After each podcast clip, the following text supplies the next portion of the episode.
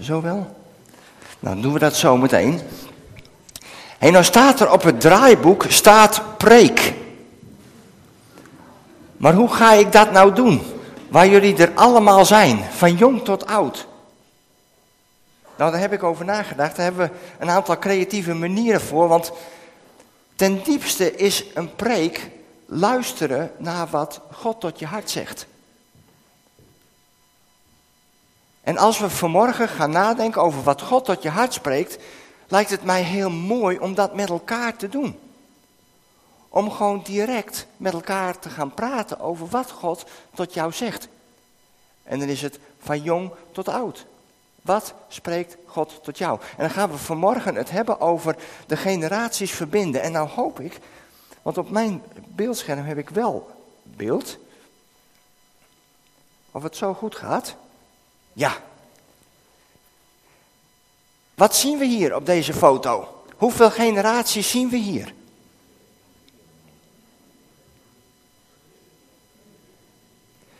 Vier, hè? Een kind, een moeder, daar de moeder en daar weer de oma van, de grootmoeder, de overgrootmoeder. En wat is dit een prachtig beeld? Wat is het een voorrecht als je dat mag meemaken als je al wat ouder bent, dat je drie generaties onder je hebt. Heb je enig idee hoe lang een generatie duurt? Hoeveel? 30, 40 jaar? 20 hoor ik hier. Een generatie 70 jaar. Nou, er is heel veel onderzoek gedaan, maar als je kijkt naar de definitie van een generatie, zijn dat echt eigen kenmerken van een bepaalde groep. En dat duurt ongeveer 20 jaar. Maar dat wordt ietsje korter, omdat eh, de nieuwe groepen gewoon sneller veranderen.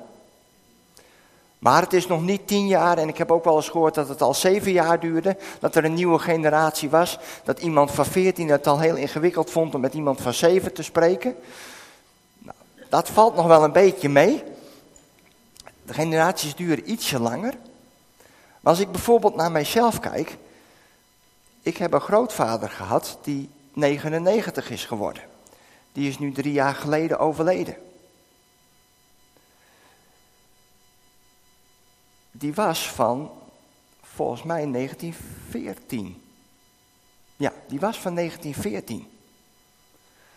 Dus hij vertelde aan mij allerlei verhalen over de Tweede Wereldoorlog. Die hij heel bewust had meegemaakt. Hij zou trouwen met mijn oma. En toen vielen de Duitsers Nederland binnen. En toen hebben ze de trouwerij ongeveer een jaar uitgesteld. En toen trouwden ze. En ja, toen was het eigenlijk wel gewoon dat je redelijk vlot kinderen kreeg. Maar krijg je nou kinderen midden in de oorlog? Maar mijn opa en oma niet. Die durfden dat niet aan. Dus die zijn pas na de oorlog daarmee begonnen. Maar toen lukte het eerst niet. Dus uiteindelijk was het 1952 en toen kwam mijn moeder. Maar die worsteling van Eerst niet en toen later wel en toen wilde het niet. Dat heeft het leven van mijn open oma getekend. Mijn vader is in 1950 geboren, nog op een scootje. Op een vrachtschip. Zijn vader voer turf vanuit deze gebieden naar het westen van Nederland. Ik kan me dat nu helemaal niet voorstellen. Dat mijn vader in zo'n klein kajuitje de vierde van de kinderen was. En dat het toen voor mijn paken en beppen echt te veel was om, nou ja, nog op dat schip te leven. Maar dat is mijn beeld. Ik ben nu 40 en ik heb drie prachtige kinderen gekregen. Nathan is 9, Naomi is 12 en Esmee is 14. En zij zijn weer in een hele andere wereld groot geworden dan dat ik groot geworden ben. En dit is even in het kort mijn verhaal. Maar zoals jullie hier zitten, jong, of al wat ouder, jullie hebben allemaal je eigen verhaal. Je bent allemaal in een eigen context, in een eigen manier ben je groot geworden. En omdat je allemaal in een verschillende tijd groot wordt, maak je ook andere dingen mee. Ik herinner me bijvoorbeeld nog dat ik toen ik eigenlijk niet kon wachten dat ik 18 was. Niet omdat ik dan stemrecht kreeg, maar omdat ik dan mocht gaan lessen voor mijn rijbewijs.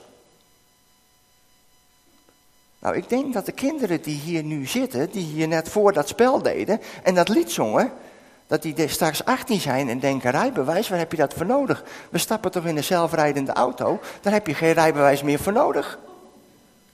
Dus die hype die er bij mij was om dat rijbewijs te halen. En mijn ouders die zeiden, Martijn, als je niet rookt voor je 18, dan krijg je van ons je rijbewijs. Nou, dat was wel zo boeiend en heftig dat ik dacht van, hé, hey, dit is wat ik wil. Dus Maar dan ontstaat er hier een nieuwe generatie die misschien niet eens meer een rijbewijs hoeft te halen. Thuis als onze kinderen, wij hebben het voorrecht dat wij drie iPads hebben en dan zitten ze met z'n drieën op de bank met elkaar spelletjes te spelen. En dan ga ik er altijd bij zitten. En dan zit ik daar even naar te kijken en te genieten. En dan zeg ik, weet je, over 10, 15 jaar vieren we jullie verjaardag en dan hebben we grapjes over 10, 15 jaar dat we nog op die ouderwetse iPad zaten te spelen. Net zoals ik dat vroeger deed met mijn uh, vriend, een oude televisie, een computerspelletje met zo'n draaiknop. En dan gaan, zaten we te tennissen tegen elkaar. En je ziet wel, het gebeurt acuut. Als ik dat voordoe met dat balletje te draaien, dan iedereen schiet in de lach. Maar over 10, 15 jaar gaat dat zo over die iPad. Maar wat hebben we dan? De ontwikkeling in onze samenleving gaat heel erg snel. Maar wat blijft, is het contact. Je blijft een vader en moeder hebben. En als jongere heb je het verlangen om een relatie aan te gaan. als je dat verlangen dan hebt, dan ontstaat daar ook weer van alles. Met andere woorden, generaties van alle, uh, alle tijden. En wat dat betreft vond ik het mooi dat jij net daar in die vensterbank zat. Want wist je dat het ook in de vensterbank zitten, dat dat van alle tijden is? Dat gebeurde namelijk 2000 jaar geleden ook al. Toen Paulus een toespraak hield. Wist je dat? Wist je dat toen Paulus een toespraak hield dat er ook een jongere in de vensterbank zat? Alleen dat was vier hoog. Dat was twee hoog. En dat ging niet goed, die viel eruit. Maar ik heb hier gekeken hoor, hier stond, het zat hier goed op de, op de knip, dus wat mij betreft mag je blijven zitten. ik denk, ik wil niet hetzelfde meemaken als Paulus, jullie wel? Nee toch? Maar op het moment dat die ontwikkeling zo ontzettend snel gaat, dan heb je heel snel dit.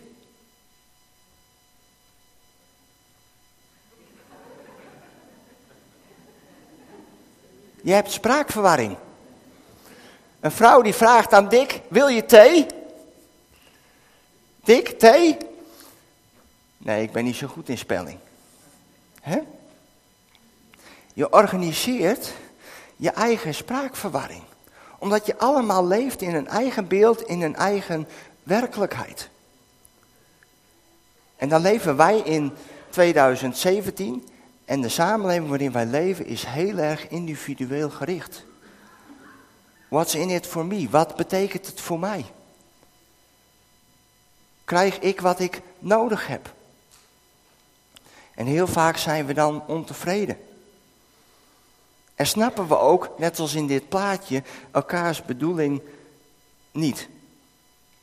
En ook dat is van alle tijden. En dan wil ik kort iets vertellen uit de Bijbel over de allereerste spraakverwarring. We gaan straks nog een ander tekstgedeelte lezen, maar ik vond deze wel heel boeiend. De allereerste spraakverwarring, weten jullie waar die vandaan kwam? Ja. De allereerste spraakverwarring was in Babylon. Maar de allereerste spraakverwarring werd ook door God georganiseerd. En dat is heel boeiend. In Genesis 11, vers 1 staat, ooit werd er op de hele aarde één enkele taal gesproken. En toen de mensen in oostelijke richting trokken, kwamen ze in Siniar bij een vlakte. En daar vestigden zij zich. En ze zeiden tegen elkaar, laten we van klei blokken vormen en die goed bakken in het vuur.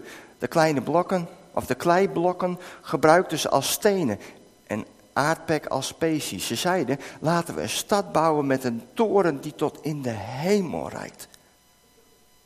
Dat zal ons beroemd maken. En dan zullen we niet over de hele aarde verspreid raken. Maar toen daalde de Heer af om te kijken naar de stad en de toren die de mensen aan het bouwen waren.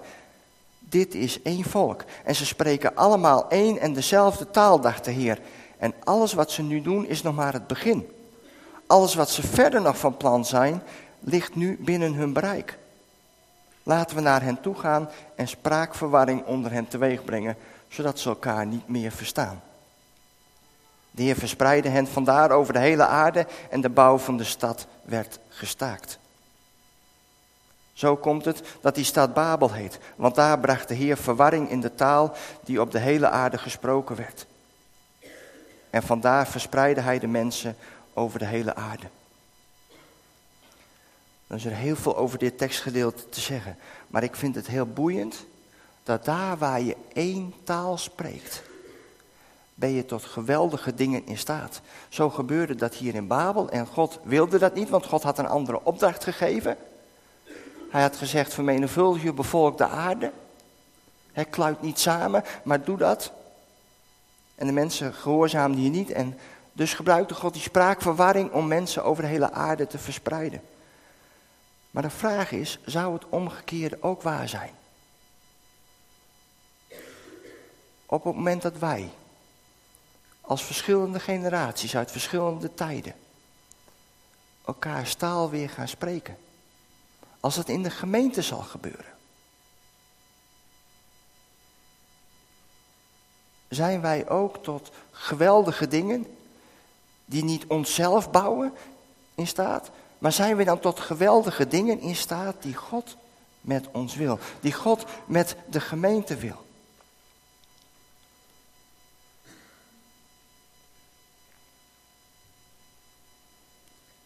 We gaan even naar een filmpje kijken. Waarin kinderen iets bijzonders zeggen.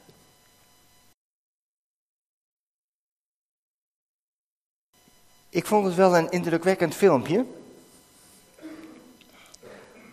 Maar wat boeiend is in dit filmpje, is dat de kinderen niet vragen om vacatures in te vullen. Als er vacatures zijn bij het kinderwerk, is dat hier niet de vraag, zet u in. Het zo mooi dat ene zinnetje, waarin jongeren en kinderen ons als volwassenen vragen, deel je geloof.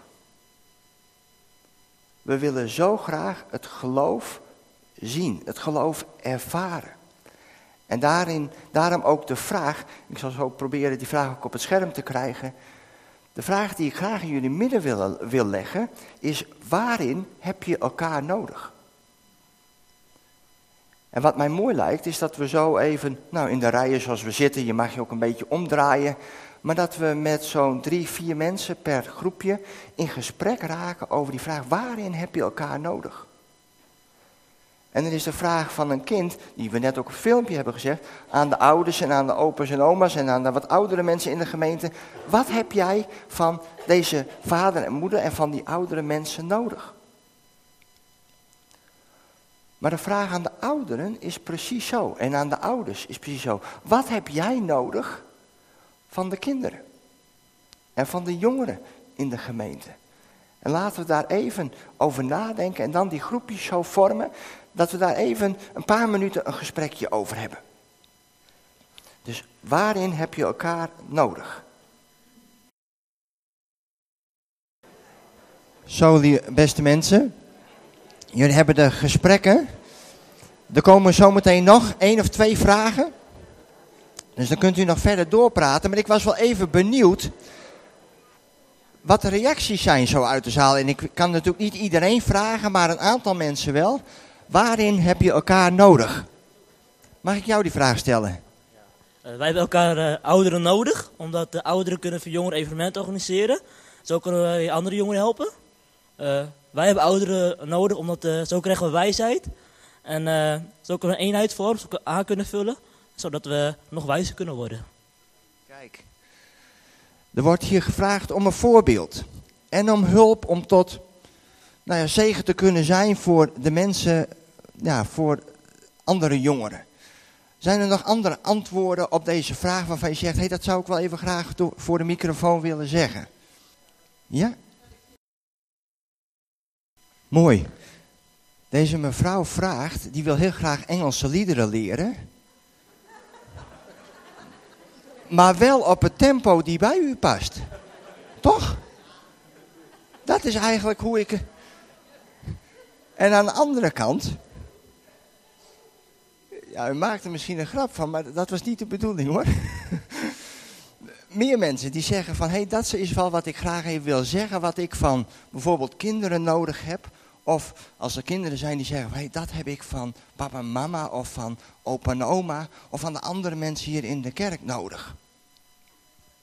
Nou, we, we, hadden hier echt een heel leuk gesprek. En eigenlijk wat, wat ik van hun hoor, eh, wat zij van ons ouderen nodig hebben, is laat ons God zien. Laat zien, hoe doe je dat nou als je boos bent? Hoe doe je dat als je blij bent? En, en, en, en wat mag ik dan van God vragen? Hoe werkt dat?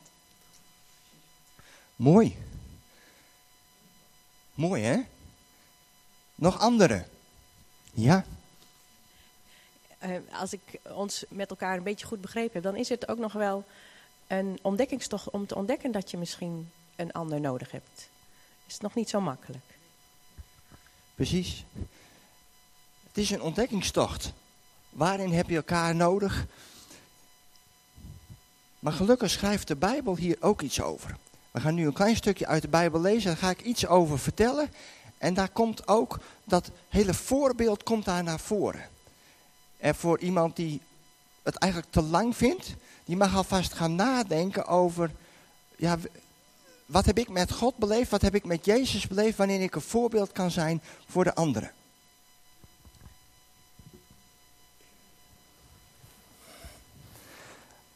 Dan wou ik graag lezen, Deuteronomium 6, vers 20 tot 25.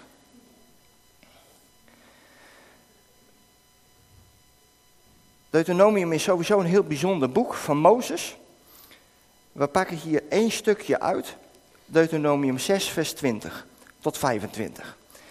En daar staat, wanneer uw kinderen u laten vragen, wat betekenen al die bepalingen en wetten en regels die de Heer onze God u heeft voorgehouden? Geef dan dit antwoord. Wij waren in Egypte slaven van de farao. Maar met sterke hand heeft de Heer ons uit Egypte bevrijd.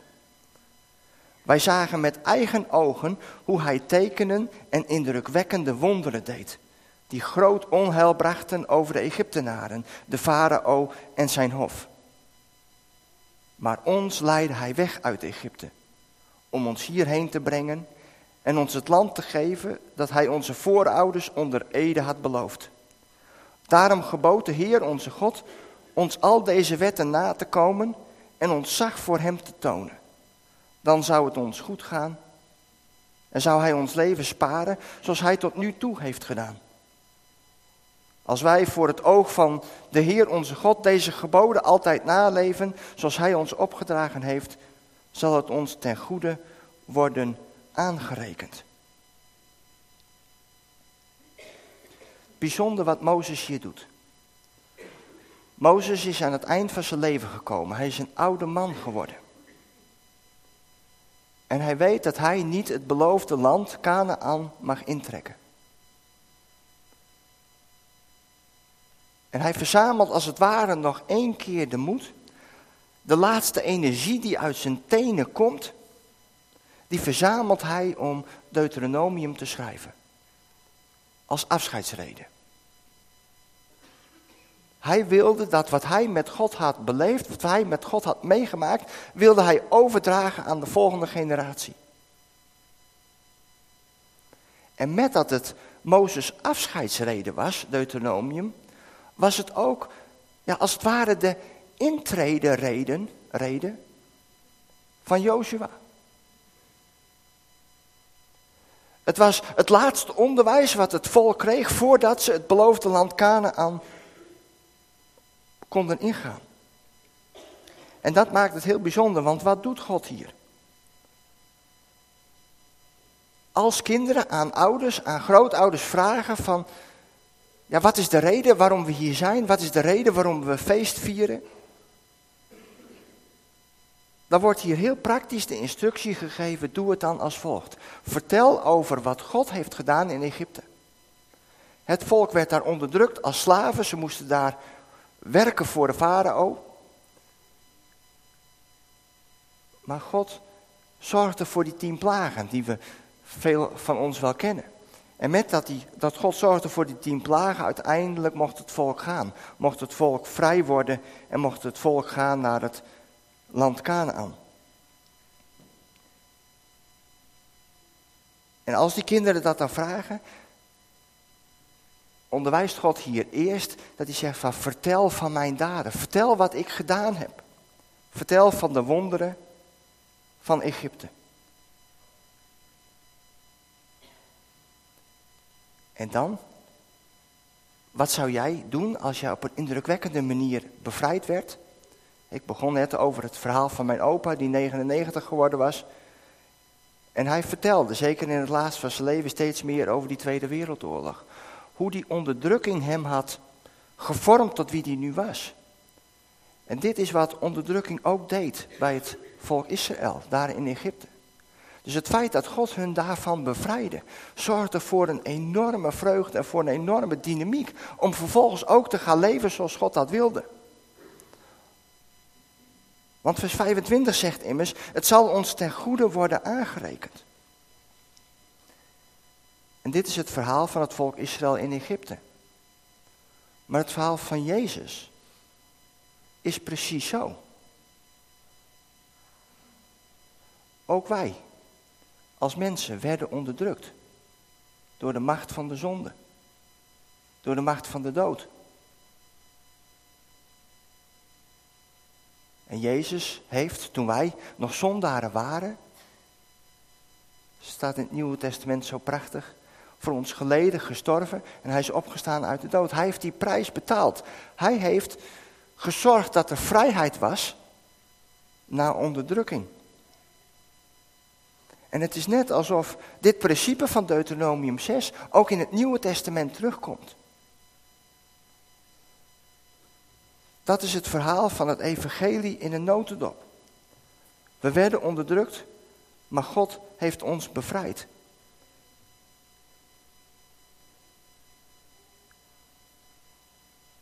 En uit diepe dankbaarheid dat God jou bevrijd heeft, wil je vervolgens je leven zo inrichten zoals God dat wil. En dan is er helemaal niet een streng geloof of dan is er helemaal niet een strenge wet die je maar moet navolgen. Nee, het leven met Christus is vanuit diepe dankbaarheid je leven zo wil inrichten zoals Hij dat heeft voorgedaan. En de vraag die ik opnieuw in jullie midden wil, wil leggen, is welke zegen heeft Jezus jou gebracht?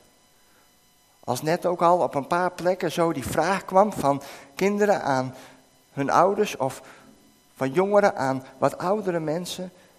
Deel nou iets van het leven van Jezus. En opnieuw wil ik daar een moment even tijd voor geven. Welke zegen heeft het leven met Jezus jou gebracht? Deel dat eens met elkaar. Allemaal weer drukke verhalen, merk ik. Is er iemand die zegt, ik wil wel graag delen welke zegen Jezus mij heeft gebracht? Ja, ik denk, um, het is een Engelse uitspraak, maar uh, there's a God-shaped hole in our soul. En um, ik denk dat het zo is dat op het moment dat je niet met God leeft, dat je dan uh, altijd een bepaald verlangen hebt, een bepaalde drang om een leegte op te vullen die jij in je leven hebt. En dat doe je altijd uh, met hele makkelijke dingen zoals films kijken of uh, series kijken of gamen of uh, wat het ook maar is, een boek lezen. Maar uiteindelijk vult het dat gat nooit. Want dat gat is in de vorm van God. Het is een eindeloos gat. En het enige wat dat gat op kan vullen is een eindeloze God. En op het moment dat je dat gaat ervaren, krijg je zo'n rust in je leven. En ik denk dat Jezus um, mij die zegen heeft gebracht. Dus rust in mijn leven. Mooi. Dit is één verhaal. Maar ik ben ervan overtuigd dat zoals jullie hier zitten, jong en oud, dat jullie allemaal een verhaal hebben. Je hebben allemaal een verhaal met Jezus. En moet je eens kijken hoe dat elkaar kan stimuleren. Als je elkaar die verhalen gaat vertellen, als je je leven met Jezus gaat delen. Maar dan niet alleen de mooie dingen, ook de minder mooie dingen. Als Nathan, mijn jongste zoon, bij mij, die ik altijd s'avonds naar bed brengt, vertelt dat hij af en toe op school gepest wordt omdat hij nog duim zuigt, dan snappen we dat. Hij is negen. Eigenlijk, hè? Maar het is wel zijn manier van veiligheid. Je ziet ook dat wanneer een situatie even spannend is, hij doet zijn duim in de mond. En dan vraagt hij met een traan in zijn ogen: Papa, mag ik dan niet meer duimen? En dan zeg ik: Jongen, jij mag duimen. Maar jouw veiligheid ligt niet in die duim. En dan vertel ik hem een verhaal van de Heer Jezus. Hoe bijvoorbeeld Petrus uit de boot stapt en naar Jezus toe loopt. In die storm is er maar één veiligheid en dat is bij Jezus. En dan vraag ik hem of hij ook daarvoor wil bidden. En dan spreekt hij op negenjarige leeftijd spreekt hij een gebed uit waarvan ik denk, daar ga ik niks aan toevoegen. Dan zeg ik alleen maar, Heere God, verhoor dit gebed van Nathan in Jezus' naam. En zo zie je een natuurlijke hang van een zoon naar een vader. Maar ook ik als vader heb af en toe behoefte nodig aan mensen om me heen die mij leren hoe ik vader moet zijn. En wat droom ik van een generatie, van generaties die elkaar opvolgen, die van elkaar hebben geleerd. Want wat heb ik, de generatie boven mij, nodig met wijsheid, kennis en inzicht? En ik geniet altijd van wat oudere mensen die vrucht dragen in hun ouderdom. Die ook heel bewust ervoor kiezen, zeggen van ik heb nu meer tijd. En Martijn, ik kies ervoor om voor jou te bidden. Martijn, vertel me even hoe het bij jullie in het gezin gaat, want dan kan ik daarbij betrokken zijn. En weet u wat zo mooi is? Op het moment dat de generatie boven mij dat voor mij doet, komt er automatisch een band van liefde. Want ik waardeer dat. En ik eer de generatie boven mij omdat ze mij zo met wijsheid beïnvloeden. Ik waardeer het zo dat de generatie boven mij voor mij en mijn gezin bidt. En ik waardeer het zo dat de generatie die boven mij is in de plaatselijke gemeente, die vaak meer financiële middelen hebben dan ik, dat ze ons in staat stellen om gemeente te zijn. Dat ze ons in staat stellen om met tijd en energie er te zijn. En zo ontstaat er een dynamiek van geven en ontvangen. En dat is geweldig. Zo heeft God dat bedoeld. Vanaf het allereerste begin heeft God die generaties gegeven om elkaar te beïnvloeden en om elkaar tot zegen te zijn. En nu heb ik een aantal kinderen nodig. Mag in principe dezelfde groep zijn die hier zo straks ook was. Want ik heb hier een touw. En wat kun je met een touw? Wat kun je met dit touw? Kom eens, ik kan het niet verstaan. Draaien, hè? Ja. Of, ik kon het niet verstaan. Touw trekken, ja. Nou, ik zal je vertellen, dit touw is ook gebruikt om touw te trekken. En lijkt het jullie wat om hier vanmorgen nog even touw te trekken? Ja, hè? Ja, ja, ja, ja. De kinderen vinden dat wel leuk. Zullen we dan de kinderen tegen de ouderen doen? Nee, hè? Nee, nee, nee, nee, nee. Nee, dat is niet eerlijk. Maar ditzelfde touw, neem het maar mee en loop maar een rondje. Jij ook? Er zit als het goed is nog een kant aan, aan dit touw. Zijn er nog mensen die deze kant op willen? Kijk, kijk. Oh, hij moet een beetje uit de knoop gehaald worden. Ik hoop dat hij lang genoeg is. Oh, oh, oh, oh, oh, oh. Hij, wordt niet, hij is niet lang genoeg om een hele cirkel rond te maken, volgens mij. Maar daar hebben we een oplossing uh, voor, voor. Maar dan heb ik eigenlijk iemand nodig die verstand heeft van knopen. En dat zal waarschijnlijk een iets ouder iemand zijn. Heeft er iemand verstand van knopen? Iemand die vroeger op uh, schip heeft gevaren? Heb jij verstand van knopen? Want kijk. Kijk, want dit gaat echt niet goed hoor.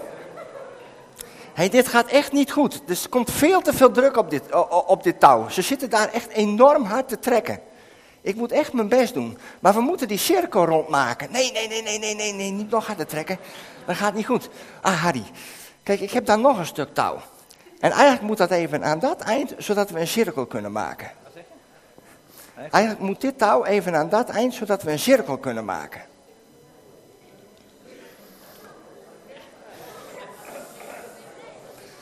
Ik heb gisteravond in de garage geprobeerd om te kijken hoe lang is dit touw. Ik had dus net een verkeerde inschatting gemaakt. Maar ik had gelukkig wel twee touwen mee. Maar kijk, dit touw kun je dus uitstekend gebruiken om touw te trekken. En je ziet het aan de kinderen. Zodra je ze een touw geeft, beginnen ze te touw trekken. Maar daar is dit touw deze morgen niet voor bedoeld. Dit touw is, uh, is vanmorgen als het ware een uitnodiging voor jullie allemaal om niet te gaan trekken, maar om je hand op dit touw te leggen als teken van ik wil in verbinding staan met de generaties om mij heen in de gemeente. Dus de jongeren mogen zeggen, ik leg mijn hand op dit touw als teken dat ik verbonden wil zijn met de generaties boven mij. En de alleroudsten in de gemeente mogen ook hun hand op dit touw leggen en zeggen van ik kies ervoor om in verbinding te staan met alle jongeren en alle vaders en moeders in de gemeente. En alle andere jongeren en alle andere mensen die misschien geen relatie hebben of de mensen die geen kinderen mochten krijgen. Ik kies ervoor om in verbinding te staan. En we gaan zo met elkaar een lied zingen. Dus ik wil het muziekteam vragen om nou ja, hier dan even geen onderdeel van dit touw uit te, te maken, maar het lied alvast in te zetten. En dan wil ik jullie uitnodigen. Het touw is volgens mij inmiddels aan elkaar verbonden. Ja, ik krijg een centje van achter dat het touw verbonden is. Dat als je deze morgen zegt van nou, ik kies ervoor om zo verbonden te zijn met alle andere generaties hier in de gemeente. Sta dan op uit je stoel. Als dat lukt, zoek een andere manier om het touw beet te pakken en dan samen ook het lied te zingen. Zo, bijzonder om zo met elkaar dit lied te zingen in verbondenheid. En ik heb hier een klein breaklightje, een breeklicht. En dat zodra je dit breekt, gaat het licht geven. En ik vind dit een bijzonder teken van wat Jezus doet. Jezus is gebroken om ons het licht te kunnen geven. Het licht wat we met kerst zo van harte hebben gevierd, maar ook het licht wat we als gemeente zo nodig hebben. En het is net alsof God deze morgen wil zeggen dat als wij hier in verbinding met elkaar dat touw vasthouden, dat Hij als die, ja, als dat licht in ons midden wil zijn. En ik vind het bijzonder om dit zo met elkaar te mogen ervaren, te mogen meemaken. En zullen we ook met elkaar op deze manier bidden om de zegen van onze God en Vader. Heere God, hier staan we voor uw aangezicht. U bent in ons midden. U bent de God van alle generaties. En wat is het bijzonder dat er in Openbaring 5, vers 9 staat. Dat als u weer komt, als de boekrollen geopend worden, Heer, dat er een menigte voor u zal staan. Van alle volken, uit alle stammen en van elke taal. En heren, zoals wij hier zijn, zoals wij hier vanmorgen bij elkaar zijn, zijn wij ook verschillende generaties. Spreken we af en toe verschillende talen. Maar wat is het dan heerlijk om in uw midden te weten dat we straks helemaal één zullen zijn. En heren, mijn gebed is dat wij nu in deze plaatselijke gemeente die eenheid al met elkaar mogen proeven. Die eenheid die er is tussen alle generaties. En dank u wel dat u in ons midden bent. En dat u ook deze eenheid wil gebruiken voor een machtig werk in uw koninkrijk. En dank u wel dat ik zo namens u ons met elkaar mag zegenen. Met de genade van de Heer Jezus Christus. En de liefde van God. En de troostvolle gemeenschap met de Heilige Geest is met een ieder die Jezus kent. En zie, hij komt spoedig. Halleluja. Amen.